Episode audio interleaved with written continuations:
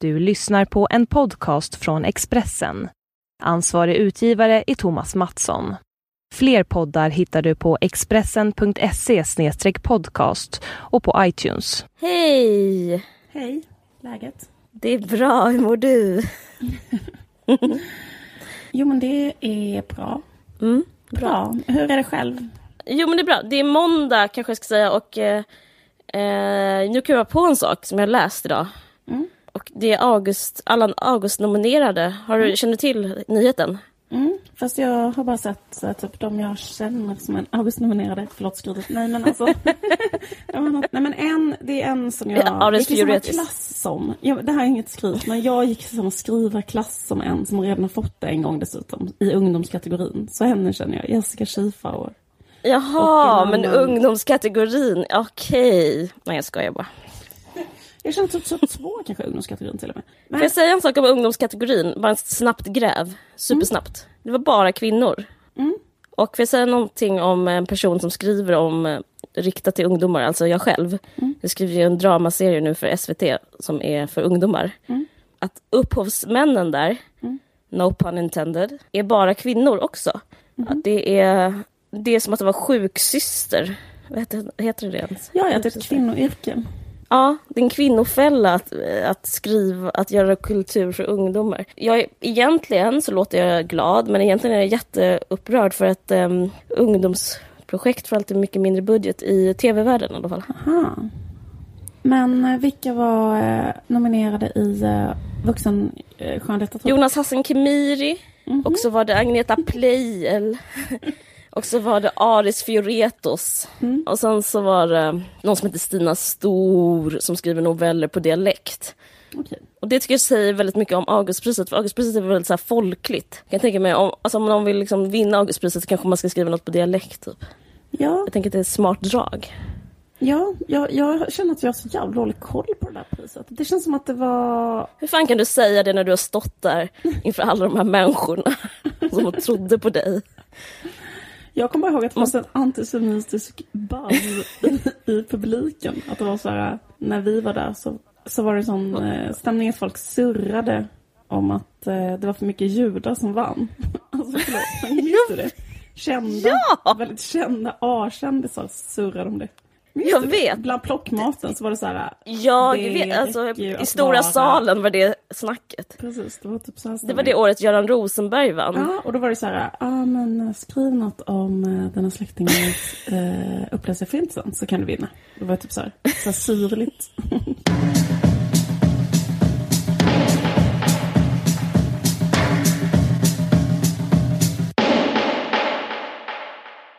Annars, Jo, annars är det bra.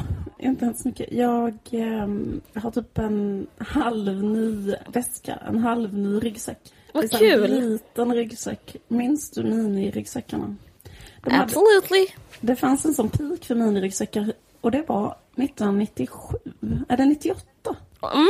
Och sen kanske nu är de lite igen. Men då var det så här äh, innan att ha typ en liten lackryggsäck, kommer du ihåg det? Kanske en Absolut. röd.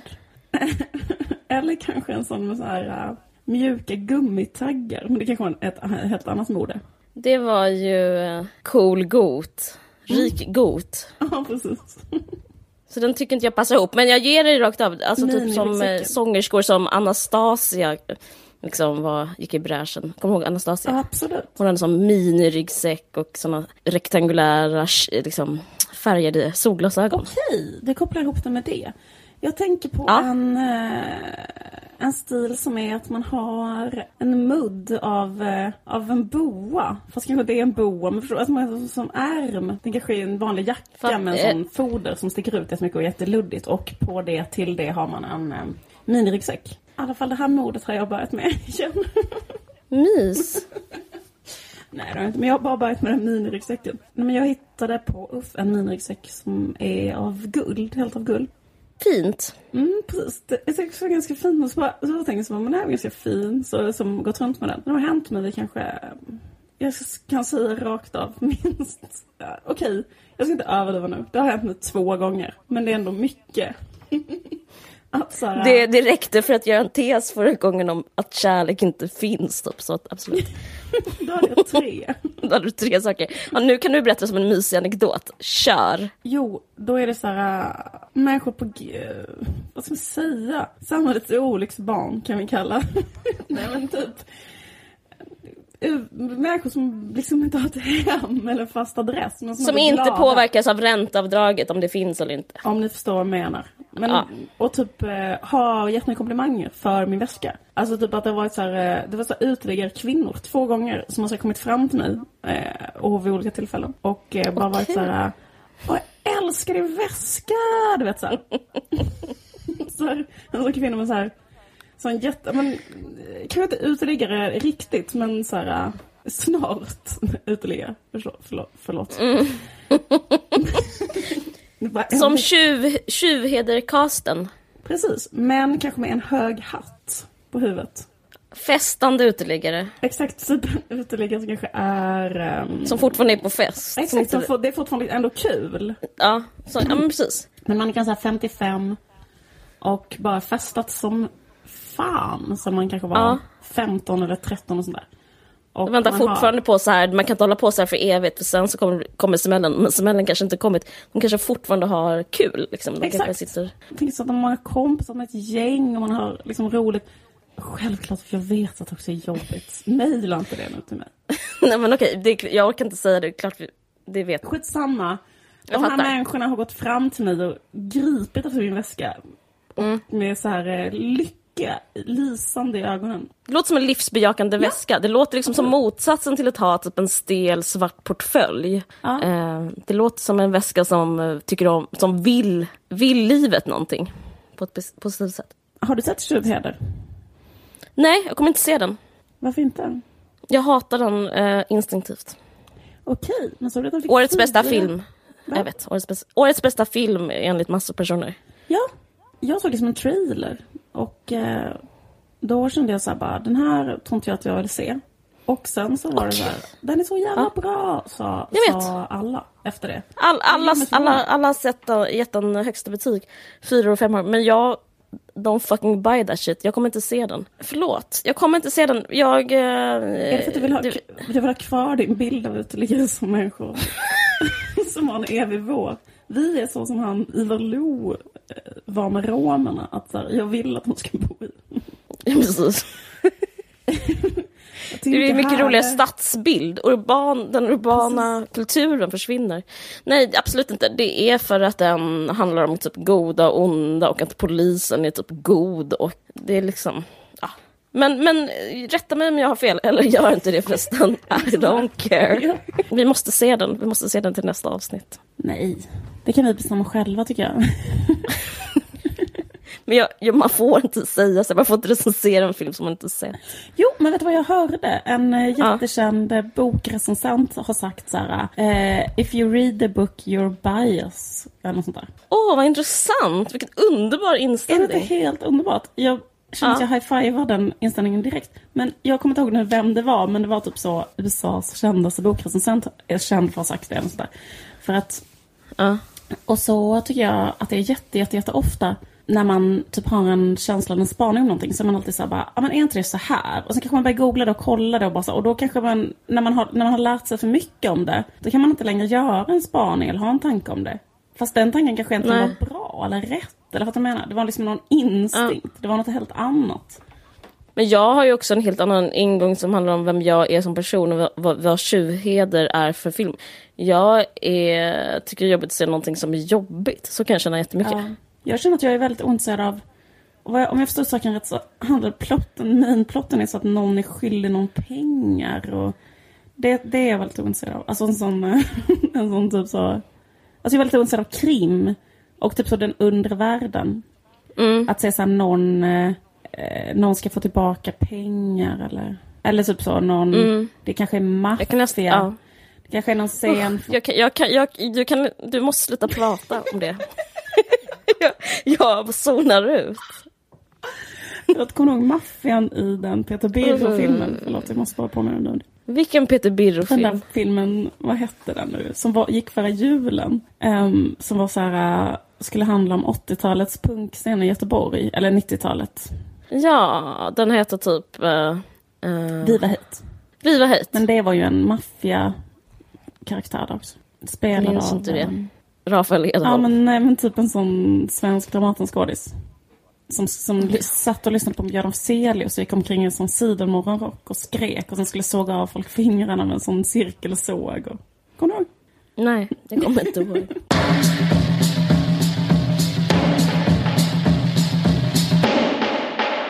Eh, Ska vi börja prata om boys nu? Ja, absolut.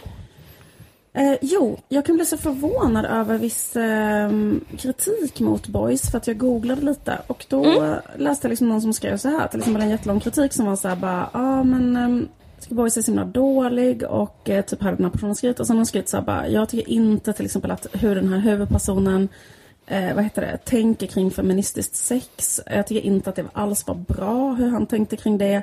Nej. Jag menar, han kunde, för då är det en scen, kan jag berätta för någon som inte har sett det. Det handlar, Boys är en dramaserie som är, på SVT som handlar om två killar som är kanske 23 eller 22 eller 25 eller något sånt där. Och eh, de eh, heter Leo och Viktor och då är en, jag kommer inte ihåg vem som är vem, han som är eh, Armin- Adam Paulsson är Viktor. Ja, så är det säkert. Ja. Den andra killen spelar då en kille som är intresserad av eh, feminism typ lite mer så här. Och då är han så här, jag ska försöka ha mer feministiskt sex typ. Och då så ska han ligga med en tjej, ska han först göra det bakifrån och, och så är han så här, nej nej inte så, kan vi inte göra så att du är på, on top istället? Och det är hon så här, nej det tycker inte jag känns hett eller sådär. I alla fall. Och då skrev den här i recensionen, typ så här, den här är så himla dålig. Och sen var det typ så här, vadå? Eh, så här eh, ska, så här gör man ju inte när man har feministiskt sex. Han borde ha frågat henne hur hon ville ha sex. Det skulle ha varit feministiskt. Och så, liksom, så återkom till det så här, två gånger i texten. Eh, och så blev det så här, men eh, det, det var ju ett... Eh, jag, kan bli så, jag kan nästan häpna. Vad är fel på vår tid, blir jag. Jag blir så här, på riktigt blir jag så här. Vad Jag fan också. är det för fel på folk? Jag- får lust att örfila upp folk. Jag Men jag är, så jag, jag är så besviken på dagens ungdomar känner jag Ja, efter boys-diskussionen. För det är liksom exakt... Ja. Det skildrar, nu bara för att alla ska fatta vad jag menar. Men så här, det skildrar en kille som lite misslyckat och tafatt försöker ta sig an den här turen. Det är väl väldigt troligt att han skulle typ r- säga så, eller vad ska man säga? Eller skitsamma. Poängen med att recensera den är inte att recensera vad huvudpersonen gör. Om det var bra eller dåligt sätt att ha feministiskt sex. Jag är jättebesviken på dagens ungdomar. För de är exakt en kopia av dagens gamlingar. Och alltså typ dagens andra, alltså Nöjesguiden och Den kultur är så himla lika. Jag tänker på den här diskussionen om Kulturmannen och Knausgård. Att det var liksom, då var det så här att Ebba Witt-Brattström, inget ont om henne, men just i den här rollen som kritiker så kritiserade hon Knausgård utifrån vad en person som han skrev om gjorde. Ja. Och då säger hon att det är liksom på en eh, kultursida att det är dålig konst. Ja. Det är dåligt för att han är pedofil. Hon kritiserar att, att, att han har skrivit en roman som handlar om en lärare som blir kär i en 13-årig elev. Precis, ja men precis. Men hon använder lite olika saker också. Att det finns så här, eh, och homosexuella undertoner, att han är ped, liksom pedofiliska undertoner, whatever, whatever, whatever. Poängen är att hon recenserar liksom inte en produkt eh, och är liksom en person som skrivit någonting och eh, vad blev det för resultat? Det här resultatet blir det här, språket var så här, storyn var så här. Det handlar liksom inte om det, utan det handlar om att det är en pedofil, enligt henne då, eh, som det handlar om. Och det är fel att det finns pedofiler. Och, så, jag blev, och, och då tänkte man så här, åh 40-talisterna, ni måste lugna er. Alltså nu får ni typ så här chilla och typ så här vara lite, vara lite coola liksom. Sluta skriv sånt i, i Dagens Nyheter som den största tidningen. Bara liksom gör inte det. Eh, ha lite bättre koll på konst och skönlitteratur och så. Eh, det handlar om en, så här, en raffinerad produkt. Det handlar inte om ett testamente, vittne om någonting. Det, man måste ju liksom ha den antagandet. Om man ska säga att konst finns så måste man ju säga, ja men det, det är någonting som skapas, får man ju liksom komma överens om. Mm. Men sen så, läs, sen så ett halvår senare, spola tillbaka, eller spola fram, då är det samma diskussion om boys. Då är, diskussion, då är överallt jag läst det är så här olika ungdomar som är så arga för att de är vita och bor på Söder. Och exakt det du sa berättade nu, att eh, de skulle ha feministisk förlåt att jag är så andfådd, det är fortfarande för att jag är gravid, jag har inte fött. Eh, att fortfarande ha så här, eh, att de ska ha feministiskt sex, men att då att de är dåliga feminister Alltså det är så himla speciellt att de recenserar person, huvudpersonerna som man inte tror på en fiktiv värld eller också att man inte får recensera, eller att man inte får skapa och resonera i konsten kring människor med brister. Alltså, jag, alltså det handlar ju om idioter kan man säga, eller det handlar typ om mm. killar som bara har, varit privilegierade, de har lägenhet på Söder. Mm. Det är som att man, jag tycker det är så intressant just att tjuvheder får så bra kritik, för att det handlar liksom om personer som inte är privilegierade och då liksom får man en slags beröm för det. Alltså, förstår du vad jag menar? Det finns mm. en sammankoppling där. Det är som att liksom, om man kollar på så här, vad, vad är kultur eller vad ska kultur ah. vara? Och, så där, och så känns det som att så här, det finns en sån gammal eh, borgerlig eh, kanske bild av eh, vad kultur är eller vad bildning är och så. Och det är liksom mm. att eh, det ska vara kvalitet och man ska kunna detta och detta. Någon slags humanistisk eh, mm.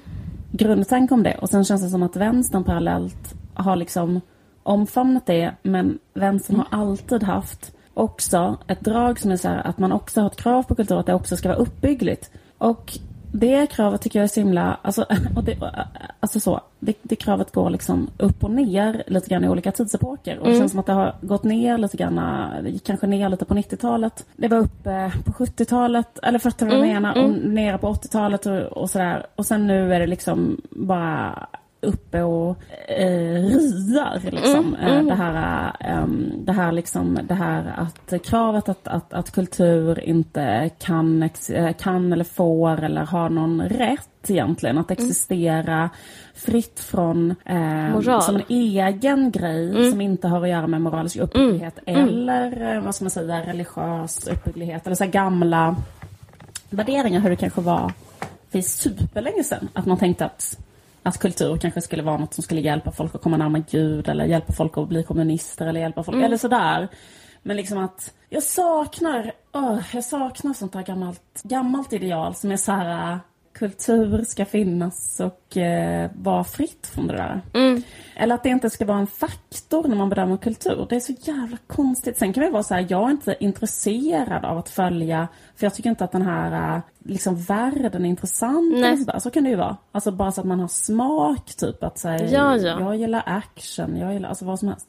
Så kan det absolut vara. Men jag tänker ju också med den här grejen med litteratur, med trigger, att liksom det får inte handla om någonting som är hemskt på något sätt. Det är så konstigt för att jag undrar, jag, jag, jag, tror att det är destruktivt. Jag tycker det behövs. Till exempel så, jag tycker inte heller om sådana här killar som är feminister men ändå har en makt. Alltså det, det är en jättesvår grej i samhället. Mm. Men eh, jag tror liksom inte svaret är att låtsas som om de inte finns. Det är liksom det som föreslås hela tiden. Jag vet inte. Det kunde heta så här, om detta må vi berätta. Ja men typ, om detta må vi berätta. Det fanns liksom här, Förlåt, jätte... Det är kul.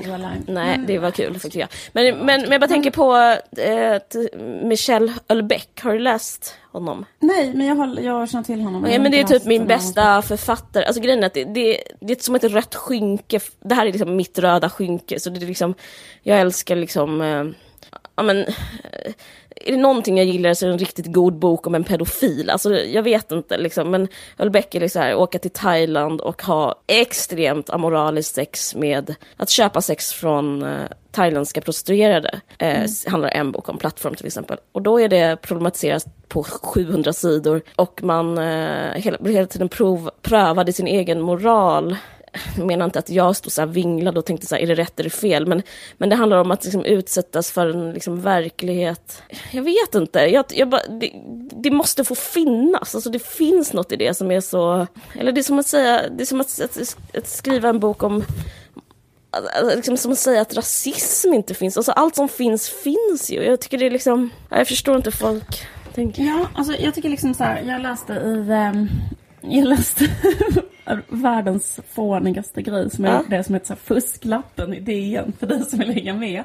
Där de sammanfattat boys-diskussionen. Jag ska bara läsa typ vad de hade, det är säkert en korrekt sammanfattning. Eh, men då är det sammanfattningen är typ så här, eh, en kritik då, eller mm. diskussion, mm. det är så här, alla karaktärer tillhör en privilegierad grupp vit medelklass. Mm. Det är liksom en kritik Den är då. Kritik, mot, vanlig kritik, ja.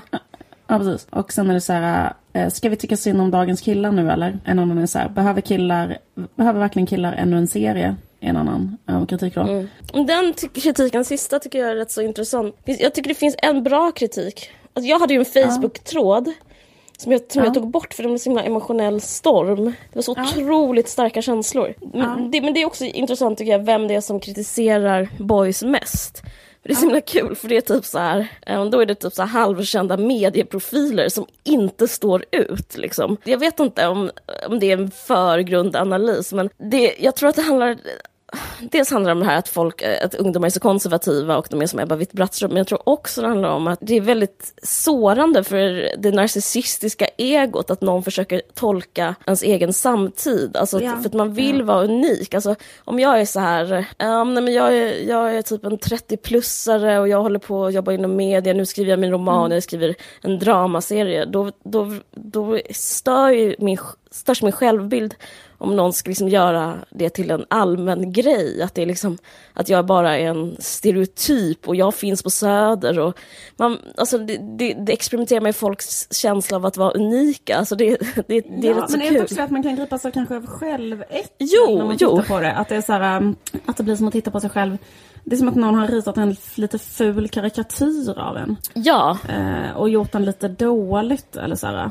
Men folk blir så förbannade för, så här, för de säger så här, för de, jag har hört jättemånga, eller läst så här, och sen så mm. säger de att de ska hoppa av Handels för att satsa på musik, nästa mitt kommentarstråd. Och då säger han så här, eh, vem ska du bli, säger professorn Mick Jagger eller nej jag ska bli mig själv. Och då då, alla bara hatar det, alltså man får inte säga det. Det är liksom så, mm. eh, fast exakt det alla som skriver den här tråden, exakt det de håller på med. Så här, olika, ja. Jag tror det är själv, jag tror det är rätt. Jag tror det är en slags självspegling som är så jävla ovacker. Liksom. Men det är också så här, det finns ju till och med en slags freudiansk term för det, att man hatar, eh, man hatar, vad heter det, det man får allra mest så här, äckel och hatkänslor inför, det är det som är så här, likt en själv. Alltså, typ så här, och det är så himla typiskt, eller det är väldigt, väldigt tydligt i liksom den politiska vänstern att det är som Eh, ja, vad ska man säga, liksom så politiskt aktiva ungdomar är mest arga på. Det är liksom en annan eh, politiskt aktiv ungdom som har typ sagt fel eller gjort något pyttelitet fel. Eller så här, eller det kan man ju märka inom feminismen också. Att det är så här falangerna. Ja, annan feminism ja, tycker är så här, man tycker att, hon, att de liknar en själv och så väcker det jättestarka känslor för man känner att man ser sig själv i en skrattspegel. Ja. Lite så här groteska drag och så har man något slags självhat som projiceras på den här andra personen. Så här, istället för att då kanske hata eh, Svenskt Näringslivs VD eller eh, någon person som verkligen så här, Eller eh, Bingolotto är, liksom, eller vad som ja, helst. Ja, eller något som är helt eh, ja. mot, eh, liksom, eller vad heter det, Boko Haram eller Ja. Någonting. Um, ska jag säga vad jag tycker är dåligt i serien? Absolut. Uh, jo, jag tycker att nästan det största problemet, mm. som bara hade kunnat vara ganska enkelt åtgärdat, det är att den heter Boys. Och mm. att man mm. därmed anspelar på Lena Dunhams mästerverk. Och ja, det är svårt. Det är väldigt dumt. Mm. Jag tycker det är så jävla dumt gjort. Man bara, men snälla någon, hitta nu på något annat. Och marknadsför inte det som så här, ett svenskt boy... Eller vet så här, för då har man ju den... den, den Motvind. eller jag tänker på så här, den första säsongen av Girls, oavsett vad man tycker om TV, oavsett vad man tycker... Alltså, eller om... Alltså på alla sätt. Men det går liksom nästan inte att göra något som är så bra. Eller typ det, det är så jävla sällsynt att någon är så fucking jävla begåvad och typ varenda replik, varenda karaktär. Mm. Alltså det är typ sån nivå som nås väldigt sällan. Mm. Och sen har man det kanske lite för näthinnan. Jag tänker på den här repliken när han säger så här, Vem ska du bli? Eh, ska bli mig själv. Och så går han ut därifrån. Och då är det så här, ja men det är, det är kanske en okej replik i en svensk tv-serie. Men om man jämför det med typ när hon i första avsnittet av Girls har rökt opium och ska försöka säga till sina föräldrar att hon har skrivit en I want to be the voice of my generation. Or a voice of a generation. Alltså, ja, det är jättekul. Det är så fruktansvärt mycket bättre bara. Och det gör att man känner att den här är sämre bara för... Alltså att, eller så här, för jag tänker så här, det här är väl typ säkert så här habilt svenskt drama. Men det känns sämre bara för att man har gjort den. Det är som alla jävla idioter som ska försöka göra såna här eh, satir-talkshows på SVT. Som ska, ska hålla på och säga att det är eh, Colbert... Eller förstår du vad jag menar? Jag fattar vad du menar. Dumt. Man bara gör bara ett tv-program. Man gör sig själv en otjänst genom att göra så. Man gör sig själv en otjänst. Och det tycker jag, jag verkligen på riktigt är ett problem. Och sen är det så töntigt att det handlar om killar. För hennes stora pionjärgrej är ju att berätta om tjejer då. Och sen ska de göra killar. Det är bara så här. man tar sig för pannan och det hade man kunnat slippa liksom. Ja, men det, det, det är min kritik, men det ska jag säga på ett annat sätt. Eller liksom, för där, det, jag tror det är det alla missförstått. Det är lätt att tro att det är liksom fel på att det handlar om killar. För grejen, man måste få göra skapande grejer om killar. Men poängen, jag tycker felet är... Självklart, och det kan också vara intressant feministiskt. Precis. Alltså, feminism handlar ju inte bara om att skildra kvinnor, det handlar också om att så här, med en feministisk Ja. lins kunna utforska män, självklart. Ja, Men, men, det, men det jag menar är att eh, man, man, man, man alltså jag, jag delar den känslan. För man känner, och jag känner att man vill skjuta vilt omkring sig för att man ser vita killar i Sofo prata. Och det är gjort av vita killar i Sofo. Men man kan liksom inte riktigt, man vet inte riktigt var man ska rikta eh, siktet. Och jag skulle säga att utan att försöka så här vispa upp någon slags fight med mina arbetsgivare så är det faktiskt ett problem som ligger på samma sätt som att det är så jävla homogent eh, ur ett etnicitetsperspektiv på SVT. Att det, är en, eh, det, det är en fråga från högre ort. Alltså det, är så, det är så jävla idiotiskt att försöka liksom göra en skillnad som uppdragsgivare och inköpare och chef och satsa på den manliga berättelsen. Och det, jag tror det är det alla känner och det, det är det som, eh, därför är det svårt att liksom se det för att det, det är rätt så bra drama som det faktiskt är. För att det, det är så sårande mot samtiden att Liksom, det, det, vad ska man säga, det är att gå tillbaka, så, så långt tillbaka, att börja... Det, att det är som eh, vet du, den här beatnik-generationen. Alltså det, det är att tro att det finns ett värde i att berätta alltså, från det manliga perspektivet. Alltså det är där som jag... Jag känner mig sårad som konsument och som också vad heter det, tv-makare. Att, det, att man satsar pengar på det.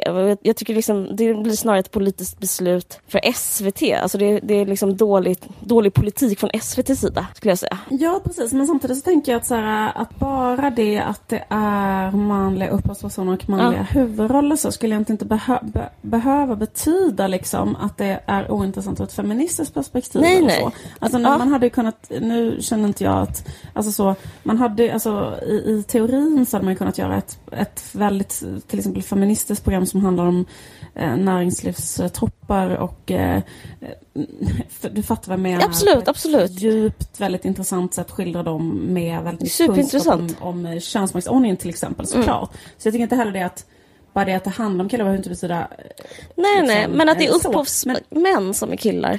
Ja, just det, precis. Det var väl typ eh, någon tjej där kanske Ja, en men det är, de har Ja. skrivit in, jag vet exakt de som gjort det, alla Okej. är eh, Alltså alla funktioner, det är, producenten är som vanligt kvinna. Men alla huvudfunktioner Ja. är män. Och Ja, de får en summa pengar som eh, det finns, finns plats för en sån här serie och den ger de till dem. Och det är så oradikalt. Så därför kan jag liksom förstå den emotionella upplevelsen av att något är fel. Men det blir absolut. Och synd. den delar jag också. Ja, jag delar den Det är lite tråkigt att man ska skildra den här eh, samhällsgruppen. Samtidigt ska man känna sig, eller typ, för man kan tänka så här, ja men vad spännande, Mm. eh, vad kul det hade varit om, om det hade handlat om, eh, om någon annan grupp i samhället och sådär. Men samtidigt så måste jag säga att den här gruppen i samhället är faktiskt inte så jävla skildrad Nej. heller. Alltså, Det tycker inte Jag menar- gör någonting att det handlar om det. Jag är själv intresserad av vad fan vad sådana människor håller på med. Det, det, det, det, det tycker jag inte gör någonting. Men, men det, det tappar in i den här, jag vet inte om någon minns jag är en sån här tv, vet du, paragrafryttarnörd, men det var för något år sedan, de blev så alarmerande siffror om att alla, alltså att allt drama, att det var bara män som fick pengarna. Och då så, så gick de ut på SVT jag tror det var någon chef, jag tror han hette Christian Vikander, som gick ut och sa så här, det här ska vi åtgärda. Det var ungefär ett år sedan, eller ett och ett halvt. Ja, och de, det var en stor grej på Ekot. Och det är det som är... Eh, det är ett problem att det inte åtgärdas. Alltså det, är ett, det, är- det är äckligt att det inte åtgärdas tycker jag. Ja, precis. Jag var också på så här en gång på en, ehm, på en sån dag där det var så här, där, där det var just Christian Vikander. Det var en sån dag där liksom potentiella upphovsmakare till olika, för jag var liksom inblandad i något jävla pilotprojekt eller någonting och var där då och skulle kolla. Och då så höll han en sån powerpoint-föreläsning och då var han så här, ah, vi har liksom en målgrupp som vi aldrig når, det är det de alltid pratar om. Det finns en målgrupp som inte tittar på SVT och det är så här unga kvinnor som är så här mellan 15 och 35 eller sånt där. Och speciellt också typ från arbetarklassen eller så här, det de kollade inte på SVT för de eh, kände sig liksom inte skildrade eller sedda eller så här, där. Och så, och så var han så här, och eh, de grejerna som vi som SVT haft väldigt stora framgångar med dramamässigt, eh, till exempel Bron och eh, den här typen av grejer, det är så ganska, då säger han så här, det är så manligt kodade mm. grejer, det är så krim och mm. det är typ sådana slags grejer. Och sen, och sen så höll han, höll han upp en sån powerpoint-bild, det här är faktiskt san, sanningen. Som var så här, en bild som skulle symbolisera krim. Och sen så bara tog han en annan bild där det var typ ett hjärta som kramade ett annat hjärta. Och så sa han så här, eller typ en nalle kramar ett hjärta eller sånt där. En helt CP-bild. Sluta, jag är för gravid för att inte börja gråta när du berättar sånt där. Och så var han så här, det är detta vi saknar. Eh, det mer kvinnliga perspektivet. Alltså detta är också många, det här är två år sedan. För jag menar, och, och den där kritiken fick de ju för ett år sedan, att de aldrig låter kvinnor göra någonting. Och då var det typ så här, och då satt jag bara där och min eh, medperson, syster, upphovsperson och vi bara stod och gapade och kollade på varandra och bara, vad, vad fan pågår? Så här, vi, vi kan eventuellt få skriva någonting eller så här, fall det handlar om ett hjärta som kramar en nalle eller vad är detta? För att vi är kvinnor, alltså typ så här, det kändes så helt sinnessjukt. Och så bad han också lite om ursäkt för den bilden, Man sa, ja, här, här, den här bilden kan ju tolkas lite stereotypt men det vi vill säga med detta är att vi letar efter grejer som handlar om relationer och att jämföra kvinnliga upphovsmän därför mm. att kvinnor gillar relationer. Typ.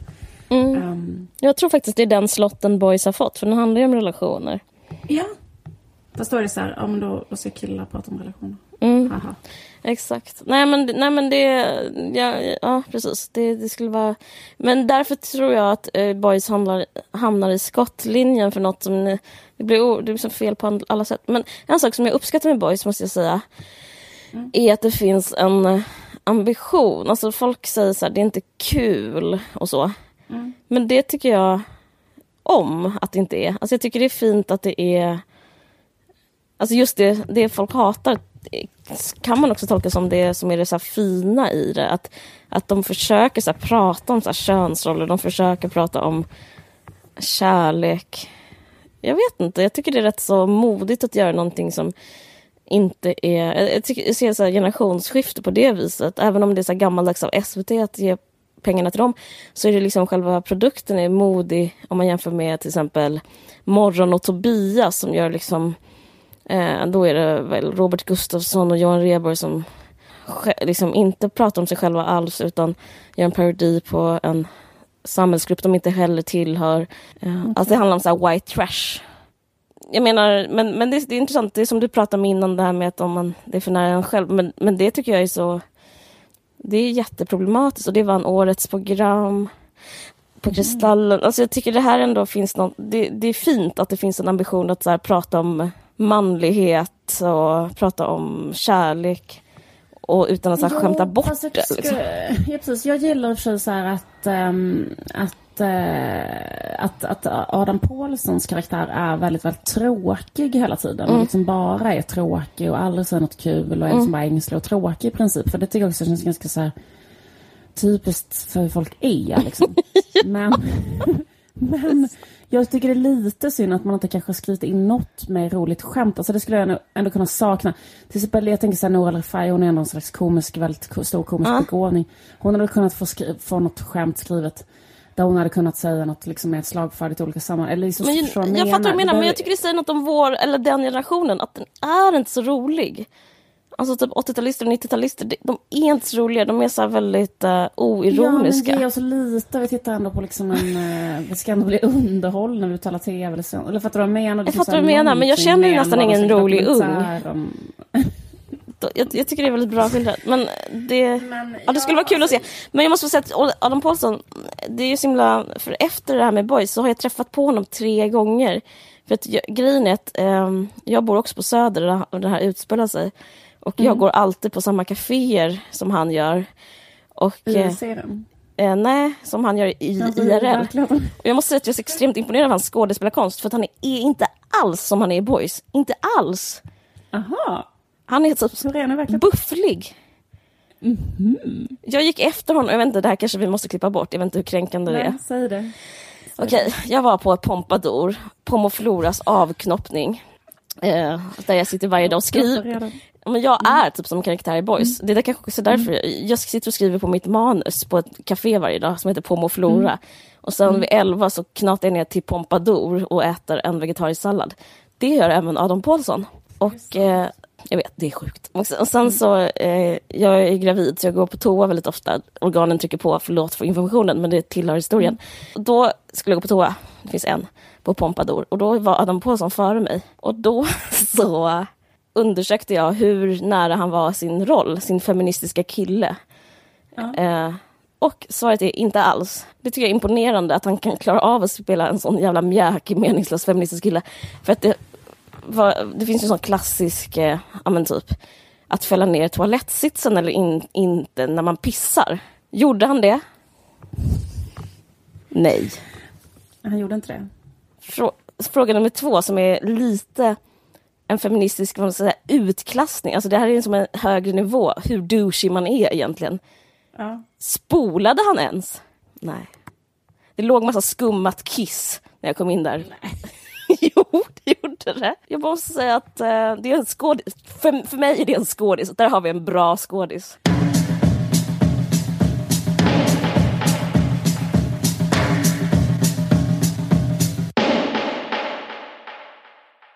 En annan sak som eh, både du och jag har eh, förberett till det här avsnittet av eh, Kulturpodden eh, och En som vargsöker eh, är att vi eh, har läst en bok och den boken heter eh, Det är något som inte stämmer och skriven av Martina Haag. Jag tänker inte säga faktiskt vad förlaget heter, PGA, att jag själv har pröjsat från min egen ficka typ 264 kronor någonting eh, för att köpa den här boken. Ja. Eh, eh, så att vi är absolut inte sponsrade. Men eh, hur kommer det sig att vi egentligen ville läsa den här boken till podden? Eh, jag tror det är för att vi är Haagheads. är det för att vi är hagers? Jag tror, att, jag tror det är så as simple as that, att vi kan get enough of the Hague. Nej men alltså vi, eh, jag har ingen eh, djupare förklaring än att jag var väldigt intresserad av eh, jag har liksom en slags, vad ska man säga, en eh, positiv objektififiering av Martina Haag. Jag, också det. För jag liksom har aldrig läst någonting så jag skulle aldrig få för mig att läsa typ så en krönika eller kolla på en film eller så. här. Men när jag ser hennes face så gillar jag Ja. det. Men exakt så är det. Alltså det är någon slags självgod positiv objektifiering. Typ att jag tänker så här, hon har något.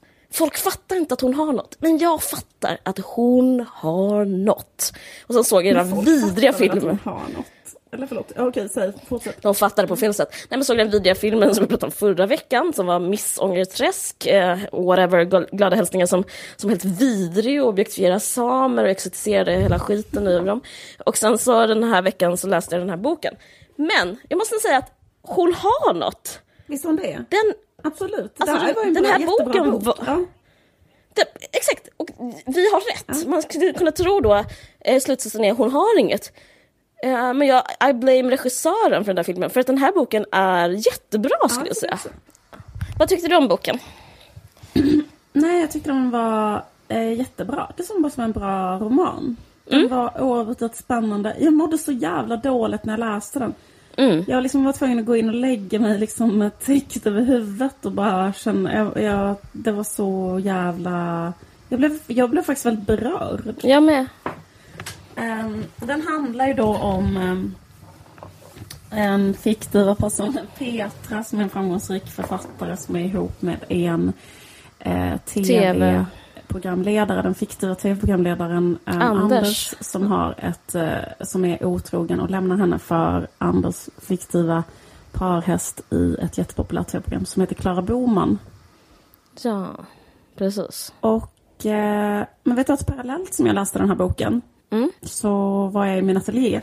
Och då ligger alltid en massa böcker där i, i ateljén. Och då låg det en bok där som hette Förluster om sorg och livsomställning av Barbro Lennér Axelsson. Jag eh, tipsar, kan verkligen tipsa om den boken, den är jätteintressant. Mm. Den handlar om så här eh, när man är med om fruktansvärda förluster och trauman. Mm. Typ så, här. så bara går det igenom i liksom stegvis, liksom, utifrån en massa olika aspekter, väldigt intressant. Liksom.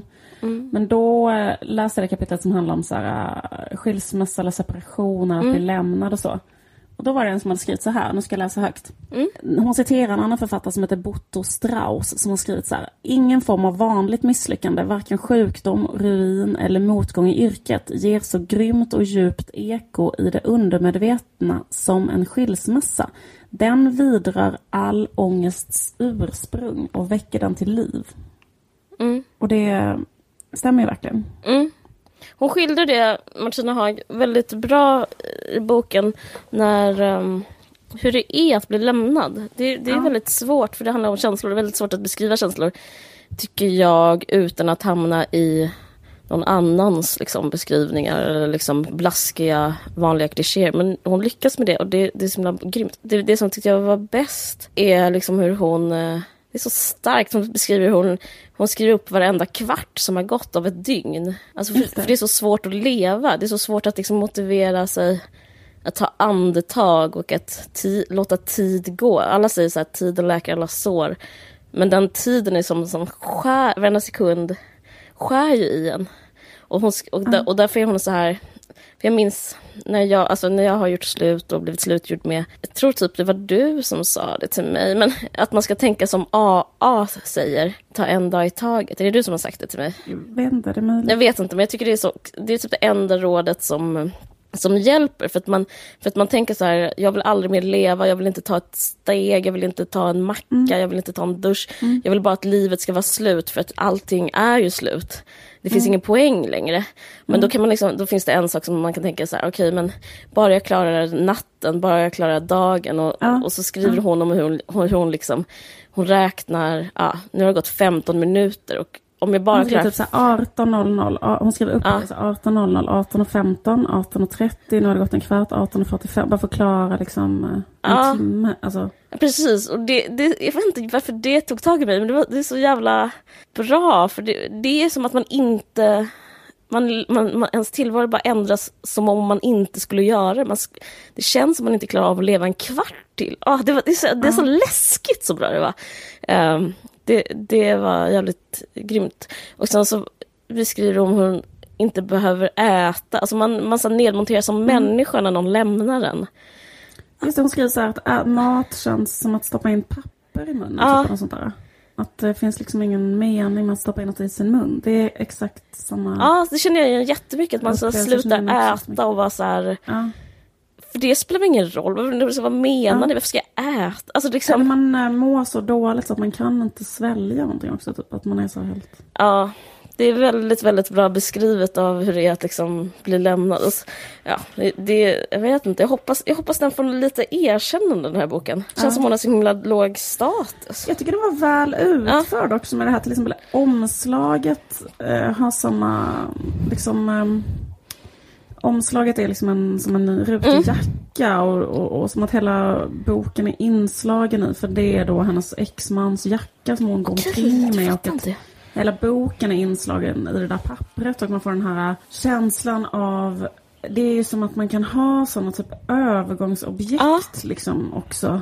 Eh, att man liksom håller fast vid någonting som känns väldigt svårt att göra sig av med. Liksom någon, någon grej som man liksom inte kan typ slänga. Det är väldigt, väldigt det, det är konstigt därför att det blir nästan så här tabu Mm. att säga en sån sak. Men Sanningen är att det finns nästan ingenting som, okej säger det ändå, men typ, jag har själv hört folk säga detta så här, mm, kompis med mig vars tjej gjorde slut så sa hon så här, jag hade hellre velat, det hade varit lättare om hon Mm, hade ja. dött än att hon Ja. hade gjort slut med mig. Alltså för att det hade varit lättare att hantera, men den här grejen att att någon som lever finns kvar, som man själv fortfarande är kär i och ehm, tycker sig ha ett gemensamt liv med.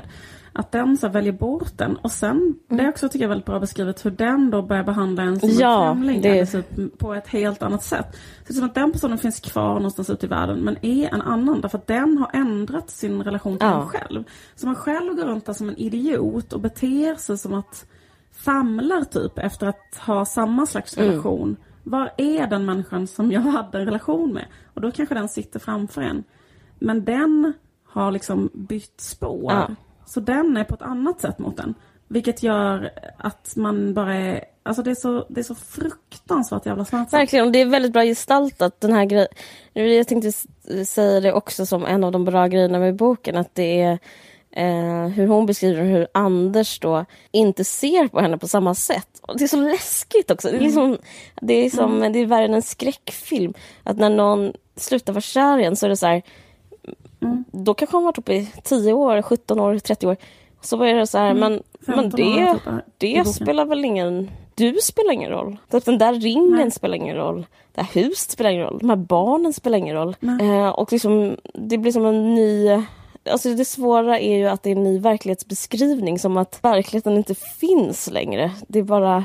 Man får ha sin egen verklighet. Alltså, åh, det, det, det, det är väldigt bra sen när skildrat. man är ihop med någon, eller så här, ja precis, jag tycker också det var väldigt bra skildrat där att när man är ihop med någon så kan man ju ha mandat liksom. I, Ja. i, alltså typ så här till exempel att nu är jag ledsen och då Eftersom vi är ihop så är det meningen att du ska lyssna Ja. på det eller, eller för så menar jag, jag mår dåligt och då är det meningen. Men så här, eftersom den här personen då har lämnat henne så är det som att nej, då behöver inte jag längre ta hänsyn till någonting du känner eller ens prata med dig. Ja. Eller, alltså, Det var starkt. och sen som, ja det är så himla konstigt, alltså man förstår ju varför det har varit så i massa andra samhällen. Alltså man förstår ju varifrån typ så här, det har varit sån här, att det har varit ett brott i olika så förmoderna samhällen och sånt där, det är att lämna Ja. någon. Att det har varit så här ansett som en em, grav social felaktighet som har lett till att folk har blivit typ mördade och sånt där av olika, alltså det, för att eh,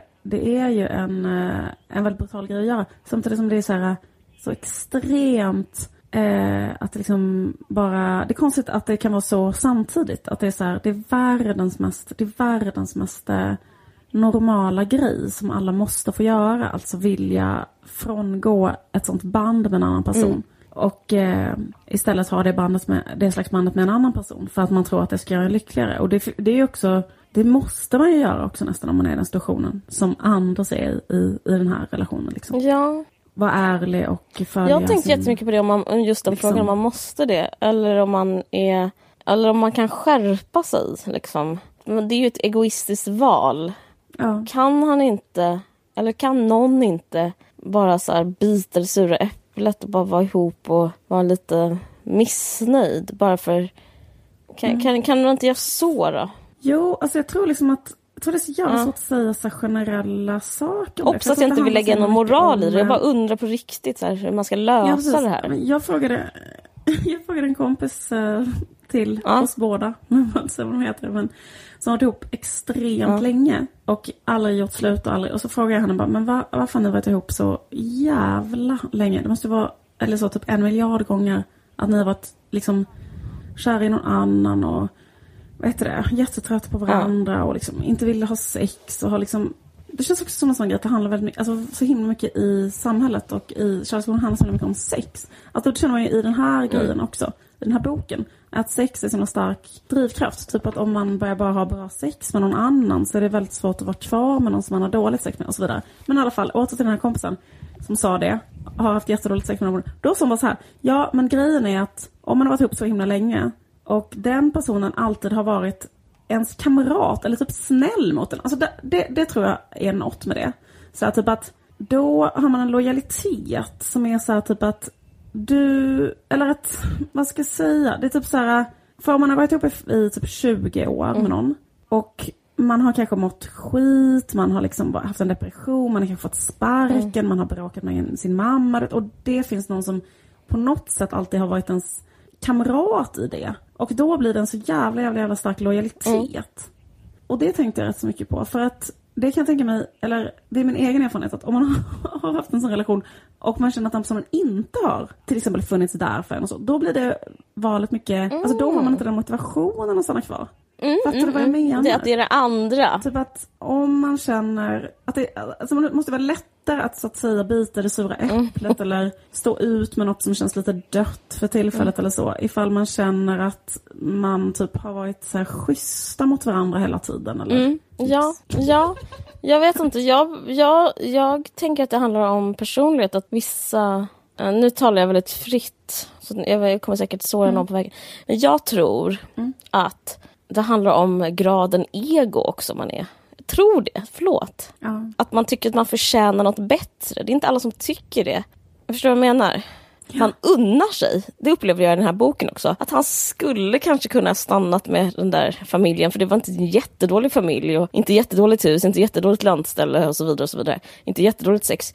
Men det var liksom solklart fetare att vara med den här nya. Och då Ja. så är man, tar man det liksom. Alltså jag, jag, dömer verkligen, jag måste säga att jag har också gjort det här. Så att det är liksom, alltså jag har varit den som lämnat. Så jag måste bara säga det så att jag låter så jävla osympatisk. Men jag bara tänker att man tar sig rätt. Att det är också det det handlar om. Hur, hur man ser på sig själv. Jag, att man har rätt till saker överhuvudtaget. Man kanske ska säga att man inte har Ja. rätt att göra så mot någon annan. Jag vet inte. Precis, fast grejen också så att, typ att om man väl börjar Mm. känna så, att man inte vill det till exempel. Då tror jag att det är väldigt svårt att ehm, eller det är möjligt att det går, det som du kallar att skärpa sig och så. Men Jag klarar ju inte det. Men man, för jag skulle kunna tänka mig att om man liksom på ett väldigt mycket tidigare stadium bestämmer sig för att inte utsätta sig själv för en sån frestelse. Alltså typ sådär, för att det snackar ju huvudkaraktären Petra om här också. Det är inte som att inte olika män har approachat henne vid olika tillfällen på olika fester och så. Men att hon då liksom hela tiden på ett jättetidigt stadium har typ så varit så här, nej absolut inte öppen för det. Liksom inte öppen för det på något sätt eller på någon nivå eller vet sådär. Men om man börjar vara så här, jo men jag kanske ändå är lite öppen för det. Mm.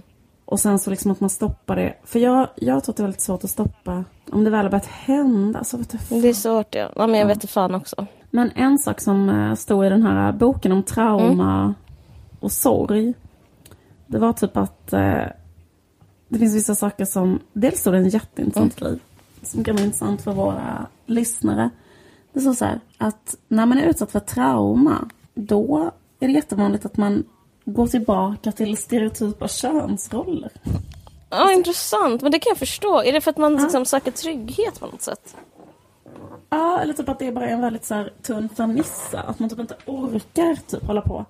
Vilket gör att till exempel i sådana här situationer, blir lämnad och så. Då är det jättevanligt att män tar till aggressivitet. Är dels förnekelse, typ att förneka en sån situation jättelänge. Typ om en man blir lämnad så är det jättevanligt så att inte prata om det och inte tänka på det. Förrän det typ är så här ett sånt raging fact typ. Och då reagerar man med aggressivitet.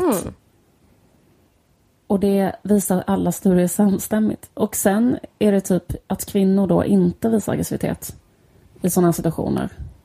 Och därför blir de jättemycket oftare... Jag tror nästan att det stod fel hur mycket oftare de blev deprimerade då. För den här personen som har skrivit den här boken menar att om man inte lever ut aggression så kan... Om man vänder aggression inåt så blir det depression. Ja. Ja, men att så här, kvinnor inte levde ut aggression i samband med separation alls. Det var exakt sätt. det som hände mig. Jag kan shara. Eh, när jag, Ja. jag var ihop med en i nio år och sen så separerade vi. Mm. Och sen så hade jag inga ilska överhuvudtaget, utan bara självhat. Och sen så blev jag deprimerad och fick börja gå psykolog två gånger i veckan. På grund av det här. Mm. Och hon sa det, att det finns något sunt med att eh, formulera sin aggression. För att aggression också, enligt den här psykologen som jag träffade, är också ett behov. Att kunna, nej, inte, aggression är inte behov, Mm. men att om man har aggression så är det för att någonting i ens liv är otillfredsställt och man kan aldrig kunna bli bättre, alltså man kommer inte må bättre eller bli bättre om man inte formulerar sitt behov. Och det gör man inte om man, inte, om man förtrycker aggressioner. Då, då, liksom. Så det är rätt så intressant. Om man ska liksom komma någonstans på vägen så Ja. måste man hitta någon slags Ja. aggressivitet. Ja, det är jätteintressant för det känner man ju i den här boken att det, det finns ju inte hos eh, Nej, den här karaktären alls. Alltså hon är inte, för att hon är utsatt för en sån kränkning som är typ jag vet inte vad fan det är jämförbart med att, så här, att någon är otrogen mot en i över ett år och sen så bara lämnar en och man har barn och den ljuger för en. Och, alltså du vet hela Mm. den här grejen.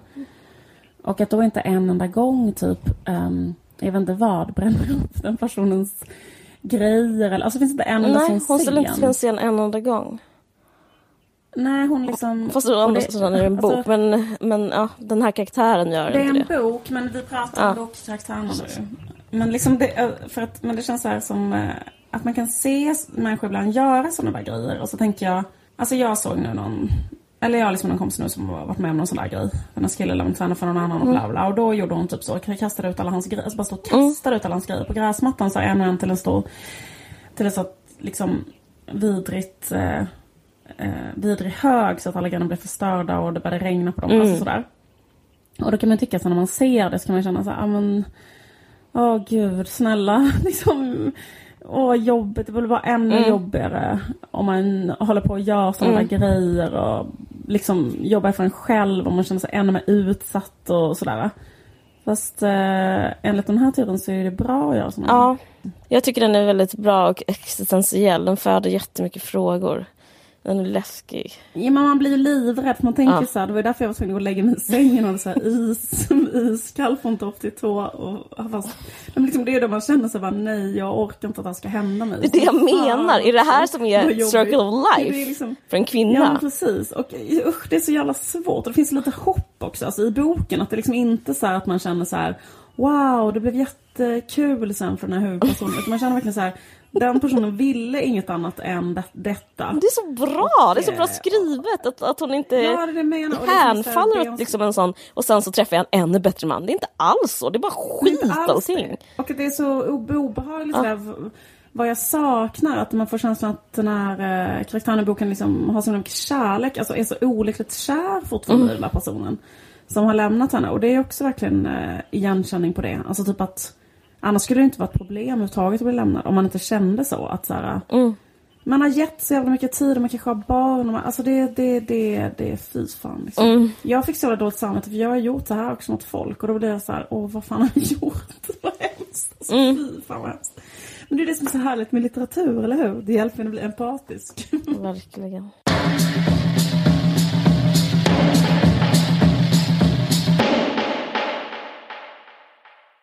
Har du bestämt vad ditt barn ska heta? Nej, Jag har liksom kommit jag vill på inte en... jinxa jag... något. Jag är inte säker på att det är ett barn. Om jag ska vara helt ärlig så är det så. Ja, okej, så. okej, okej, okej. Men vi behöver inte prata om det. Eh, vi kan prata om något annat. Jo, säg! Alltså- Säg!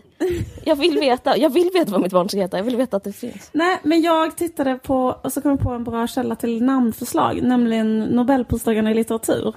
Titta hur många fina namn de har. Mm. Nu ska jag läsa det för dig. Vad intressant, för jag tycker Aris är fint. Alltså efter din kompis Aris Fioretus. Ja! Mm. Men alltså det är ju ett jättebra namn. Ska, men okej, så nu har du... Alltså jag tänkte att, jag tänkte att i något du har pratat om mycket om din fågellossning så tänker jag att många gravida lyssnar på vår podd. Men det kanske jag har... Jo, eh, det har de. Jag har fått, jag har fått eh, folk, på, folk har sagt till mig på stan.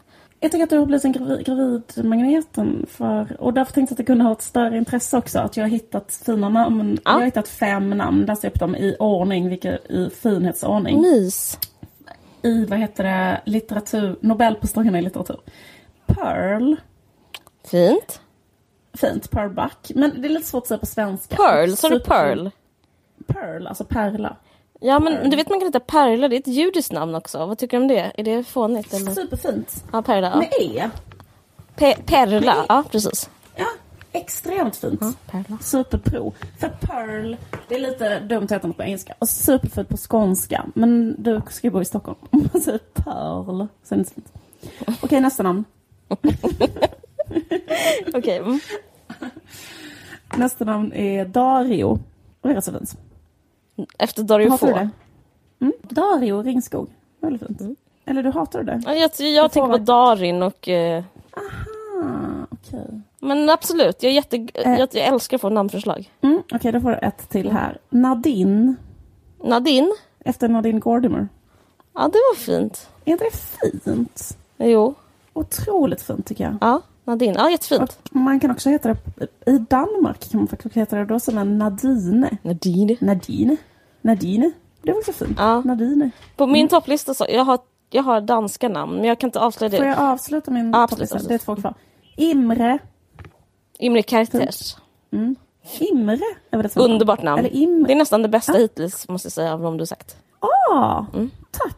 Imre. Vilket vackert ord, Mm, eller hur? supervackert. Det låter som uh, skimrat. Ja, Imre. Underbart namn. Kanske blir det. Ja. Mm, Okej, och eh, det bästa namnet. Björnstjärne. Men är det ett förnamn? Björnstjärne Björnsson. Björnstjärne? Björnstjärne. Visst är det gulligt? Megagulligt. Det är superfint. Jättefint. Ja, jättefina namn. Mm, varsågod. Tack så hemskt mycket. Jag ska lansera det. Jag får se vad regeringen säger. Ja, precis. Men jag har också ett namn, men jag kan inte dela det med våra lyssnare för det är så intimt och jag är så skräckslagen. Om jag ska vara helt ärlig. Ja, att du är rädd att eh, typ, eh, eh, är du skräckslagen att något ska hända med barnet så att du inte vill hitta på? Jag vill liksom inte, jag, vill, jag är supervidskeplig och livrädd Mm. för den här förlossningen. Mm. Uh, I och med att det är kvinnogöra så är det fortfarande som det var för uh, tusentals år sedan. Så det, ja, precis. så det är jättekonstig stämning. Man gör något jättekonstigt. Ingen, ja, man Men vet du vad? Jättestark smärta. Nu ska jag säga en uh, betryggande sak som uh, också grejer som lyssnare kan ta till sig. Mm. En kompis som är läkare, hon sa så här. Alltså jävla tråkigt att jag ska jobba på förlossningen ikväll. Uh, för att uh, det finns inget att göra där. Alltså som läkare på förlossningen så är det typ att sitta och facebooka. Mys, för, för att allting att är så händer, lugnt. Ja, det händer liksom aldrig någonting. Det är typ så att man blir så jävla sällan inkallad. Så att man typ sitter i ett personalrum och försöker typ hitta på något att göra och ha jättetråkigt. Så var hennes bild av att vara på förlossningen. För att det är väldigt, väldigt, väldigt sällan tillstånd till komplikationer. Alltså det normala är att det bara är typ en eller två barnmorskor där inne och sen är, behövs man inte. Det, okay. Jo men det var bra, det var bra råd. Alltså det var bra, det lugnade mig lite. men... Uh... Ja men ja visst det är skitsjukt. Alltså det är liksom helt sinnessjukt att... Uh... Men jag blir så här vad ska man säga? Det är ändå för konstigt det som ska hända. Alltså, Facebooka i ett personalrum eller inte så är det liksom jag upplever det som att jag ska... Alltså det, det, det är före och efter som är en förlossning. För, från att inte ha ett barn, eller in, mm. för, från att vara en person, mm. så är det en till person i rummet och man själv är liksom ligger bakom. Det är liksom det är så flummigt. Mm. Eh, så jag tror också det handlar om det, alltså att, att verkligen alltså att intellektuellt eh, greppa den jättekonstiga grejen. Alltså det känns nästan som att så här, byta hudfärg eller liksom Alltså det känns som en sån, eh, det går inte att föreställa sig livet innan och livet efter men men det du liksom tänker på när du känner dig orolig så, har det att göra med att få bebisen eller har det att göra med själva förlossningsförloppet?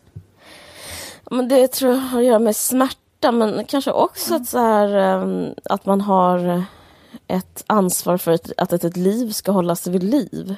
Men jag såg den här filmen Martian, vi ska snart sluta prata, förlåt, men mm. den, den, är ju etta på biotoppen så alla har sett den enligt SF. Eh, mm. och jag såg den igår och då tänkte jag, för då handlar det om att Matt Damon åker ut i rymden och är där i två mm. timmar. Mm. Eh, har du sett den? I två timmar, ja, precis, fast i filmen är det 30 år eller så. Ja men i filmen är det hur många ljusår som helst. liksom, det är inte så jag har förstått den. Nej, precis. Men jag, eh, jag unnar mig att berätta ur mitt perspektiv. Mm. Och då är han där i två timmar och mm. då upplever jag att liksom, jag är gravid, så sitter jag där i biosalongen och ser allt det här. Då bara tänker jag att allting är för att Matt Damon aldrig skulle kunna bli Alltså Steven Spielberg, nej det är Ridley Scott som har gjort den här.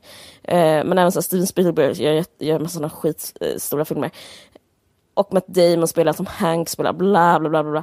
Och att typ, det, allting bara handlar om att de inte kan vara med om det här superspacade här nere på jorden. Alltså att, eh, jag, jag upplever en sån... Eh, alltså Freud, om Freud hade levat hade han nog stöttat min biologistiska tolkning. Men jag upplever ett sånt jättestort komplex för jag upplever att det jag har, det som händer i min mage, det som ska hända mig, är typ mycket, mycket, mycket sjukare än att åka till Mars. Det liksom kan man ändå, man kan liksom ändå jag vet inte, jag, jag bara satt där och blev väldigt så filosofisk men jag tänkte att det var, det var liksom bara en slags kompensation för att inte kunna föda, att Matt Damon inte kan föda själv. Liksom. Därför, därför finns filmer som The Martian. Ja, Absolut. Absolut. Liksom, men det är också så här, jag skulle aldrig vilja åka till Mars och jag, eller liksom, och jag skulle inte heller vilja, liksom, jag vill, ville ha mina barn och liksom, det är helt underbart att ha dem. Det finns inget som är så fint i livet liksom. Men eh, jag är verkligen också så här motsatsen till en sån extremsportare. För vissa liksom kanske får en kick av det. Vissa kvinnor menar jag, som mm. har så här Åh, så att, alltså att man är utsatt för en sån slags spänning som är på gränsen till, alltså speciellt det skedet som du är inne i nu, som är typ att, så att det kan hända nu under tiden vi pratar, eller det kan, liksom i natt, eller fattar du? Alltså, ja.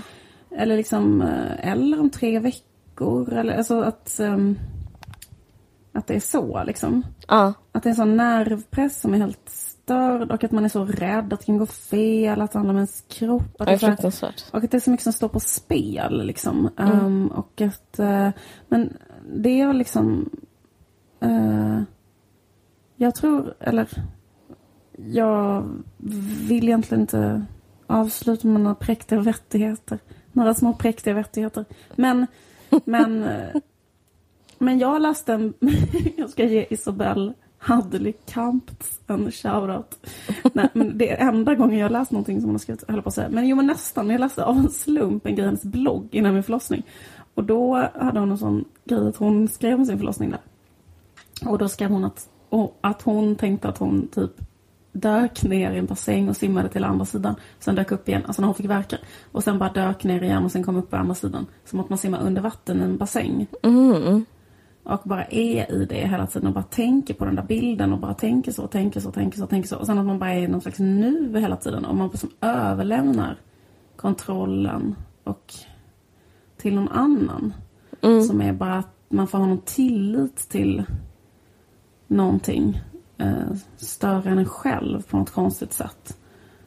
Och, eh, och det liksom hjälpte mig ändå, måste jag säga. Men jag var livrädd också. Alltså livrädd. Och så här i efterhand kan jag också känna att jag blir rädd bara jag tänker på det liksom.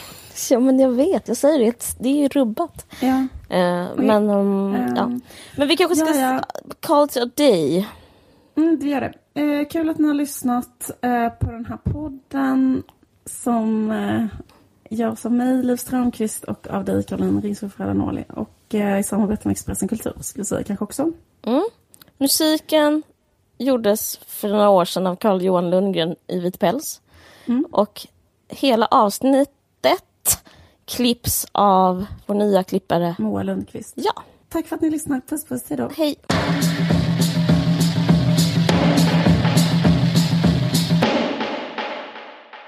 Du har lyssnat på en podcast från Expressen. Ansvarig utgivare är Thomas Mattsson. Fler poddar hittar du på expressen.se podcast och på iTunes.